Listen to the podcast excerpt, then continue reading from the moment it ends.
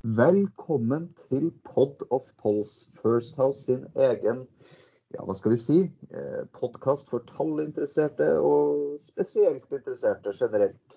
Denne gangen, eh, Odd, så sitter vi ikke ansikt til ansikt slik vi liker å gjøre og slik vi pleier å gjøre. Vi sitter eh, i hver vår kommune, så vidt jeg vet.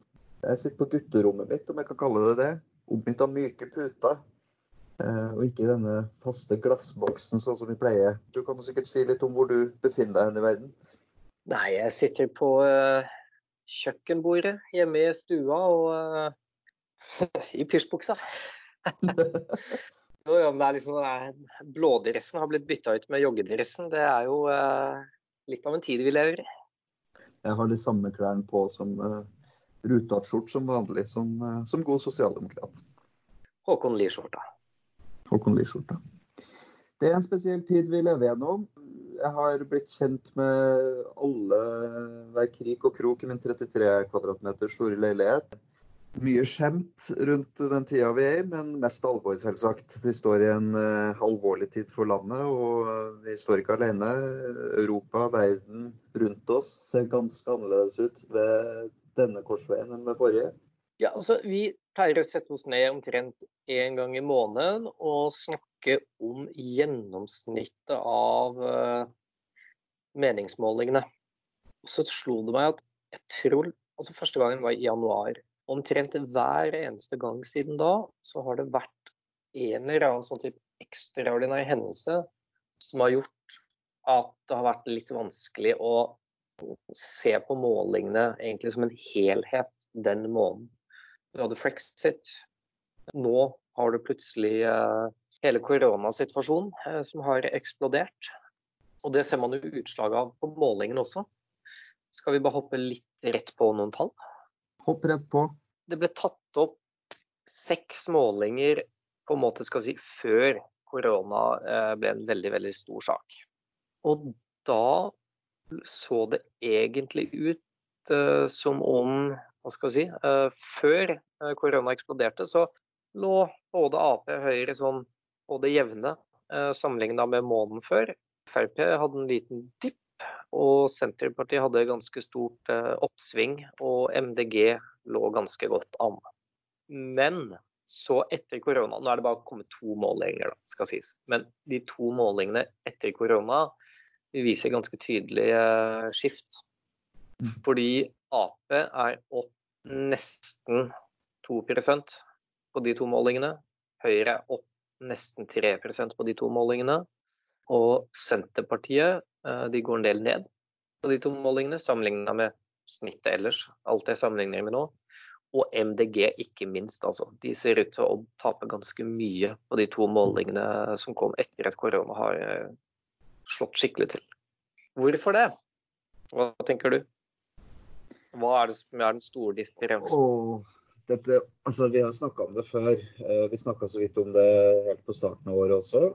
At i tider hvor det skjer ting litt utafor våre grenser, litt sånn eh, uten å ha dette her i bakhodet i det hele tatt, men vi så en sånn usikkerhet i, også i økonomien på, på, starten av året. Vi så det med Iran, Iran-USA-situasjon, bombeangrep mot amerikanske baser i Irak. Eh, så så vi også en det var ikke en tendens, vil jeg si, men det var, noen, eh, altså det var en del usikkerhet som begynte å slå utover, eh, utover Midtøsten, ut i verdensøkonomien. Og vi så noe i retning av at ja, flere begynte å nærme seg de to hva skal vi si da, to statsbærende partiene. De to hovedpartiene på hver sin side av streken. Høyre og. Arbeiderpartiet. Så har jo hva skal vi si, gått litt tid siden da. Men det er jo kanskje det som skjer igjen. Det er mye usikkerhet. Og i tider eh, med mye usikkerhet så vil man ha trygghet. Da søker man kanskje mer automatisk tilbake til de faste, vante partiene. Fredstid er en veldig god tid å eksperimentere litt med stemmeseddelen, hvis man kan si det så uærbødig. Når det er rolig, det går godt i økonomien, arbeidsledigheten er lav, så kan man på en måte ta seg større friheter til å teste ut nye politiske prosjekt.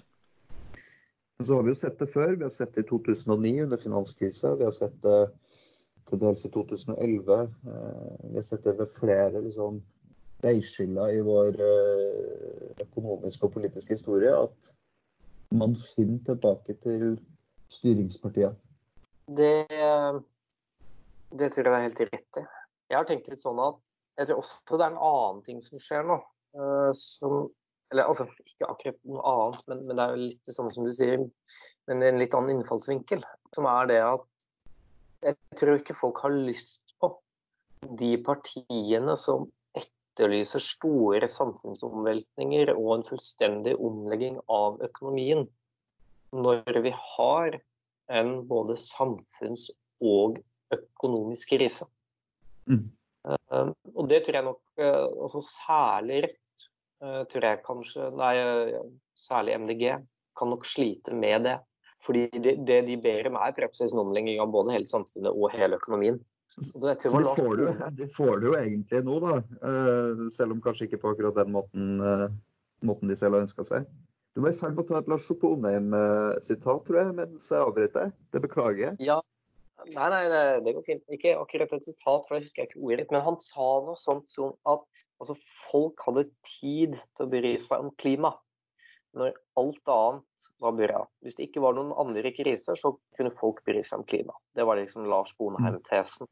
Så Sånn sett skal det bli veldig spennende å følge MDG nå fremover.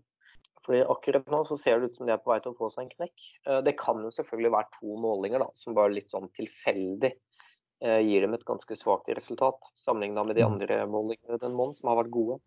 Du kan også si at denne krisa her eh, står jo på en måte i helsa og økonomiens tegn.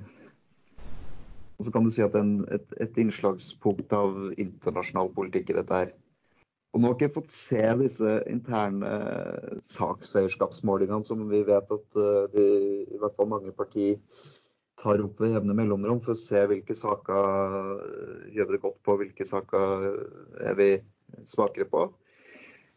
Men fra gammelt av i hvert fall så vet jeg det at altså både helse er sterk, eh, et sterkt område for Arbeiderpartiet. Det samme gjelder eh, for så vidt når det kommer til arbeid også.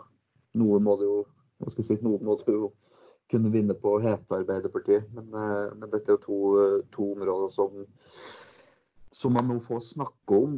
Og selv om det ikke på en måte er den ønska konteksten å snakke om disse politikkområdene på, så, så, oppfatter jeg vel det at det kanskje har en viss resonans også hjemme hos, hjemme hos velgerne.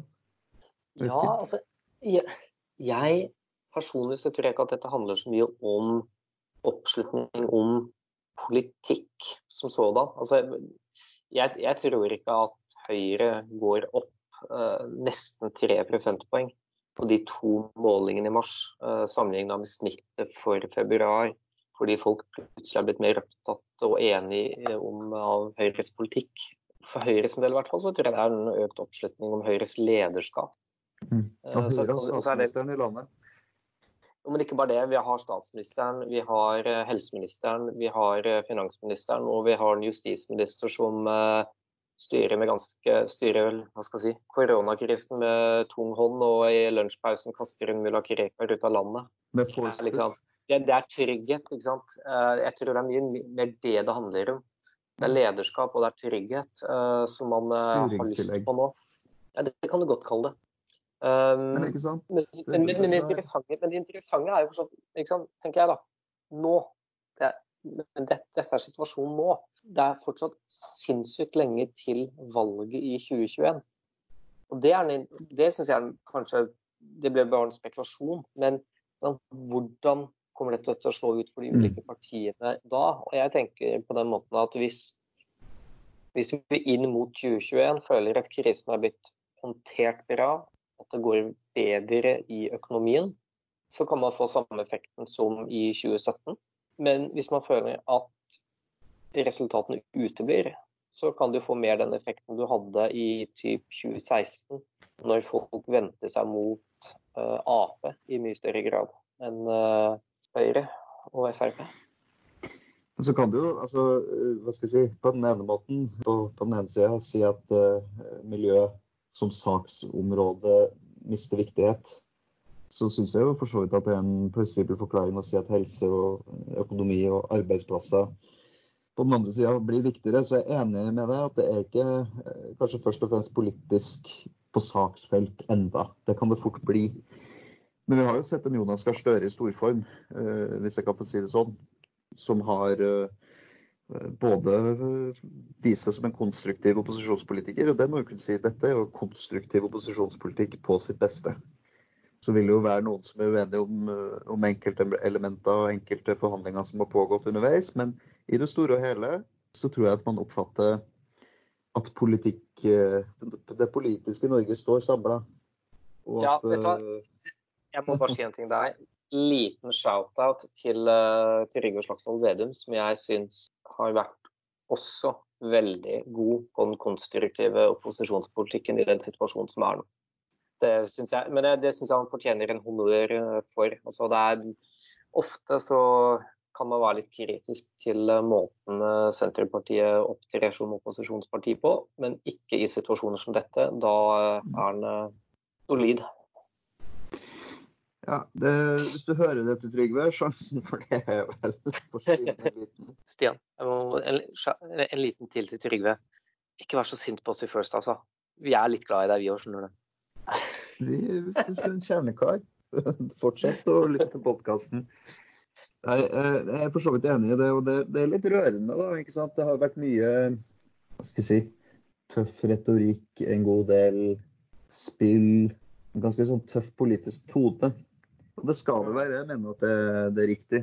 Jeg mener at regjeringa fortjener ris til stadighet. Og, eh, men samtidig, denne situasjonen er så mye større enn ja, politiske primærstandpunkt. Og fortjener å altså- behandles med en helt annen men kan, Jeg vet ikke om det kan si noe, da. Altså, nå er dette svært få målinger, vi kan si noe om det. Det er bare to målinger vi snakker om her. Men det viser jo kanskje at Vi har en måling vi kan lene oss på. Ja, vi har, ikke sant? Vi, vi kan lene fordi um, Kantar har jo et sånt eh, klimabarometer som de gjør hvert år. Og noe av det de måler da, er hvilke saker som velgerne er mest opptatt av. Eller som de syns er de største utfordringene.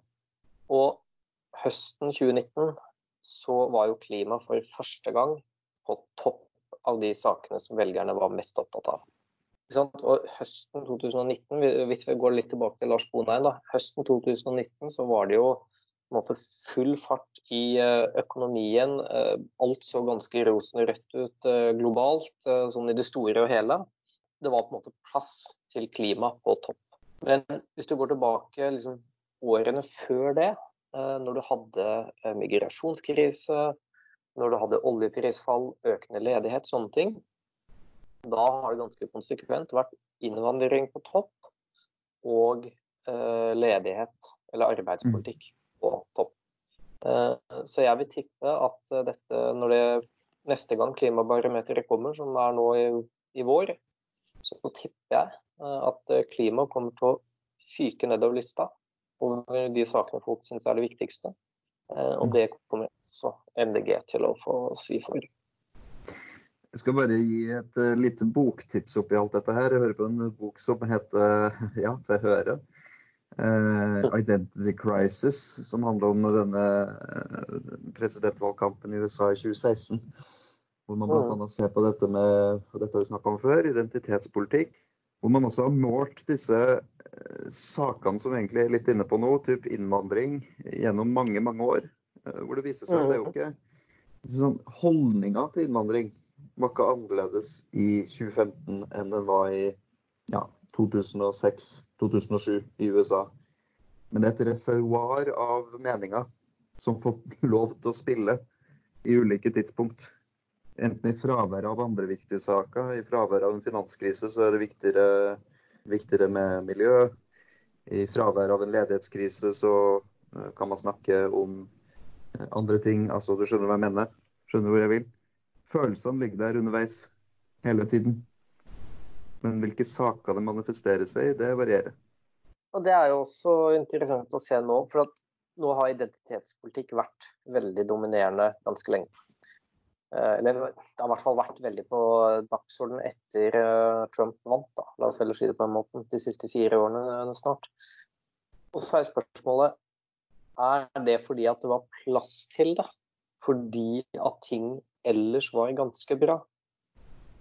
Og er det sånn at i den situasjonen vi er nå, så betyr plutselig identitetspolitikk mye mindre enn den mer klassiske høyre-venstre-aksen, som egentlig handler om økonomisk politikk og hva som er den riktige innfallsvinkelen til økonomisk politikk. Hvordan drive næringspolitikk, hvordan skape arbeidsplasser, for så vidt fordeling av verdiene som skapes. Vi skal ta oss og følge, følge situasjonen nøye, vi også. Vi gjør jo det. Ja da. For si sånn, jeg tror ikke vi kan starte en diskusjon nå, fordi at uh, vi burde runde av denne podkasten. Så det får bli til en annen gang. Men uh, vi får kanskje litt av svaret i målingene fremover. Den som måler, får se. Jeg gleder meg til å se deg igjen, Odd, i en eller annen morsom webkameravinkel. Uh, kanskje i løpet av morgendagen. Hvem vet? Det får vi satse på, Stian.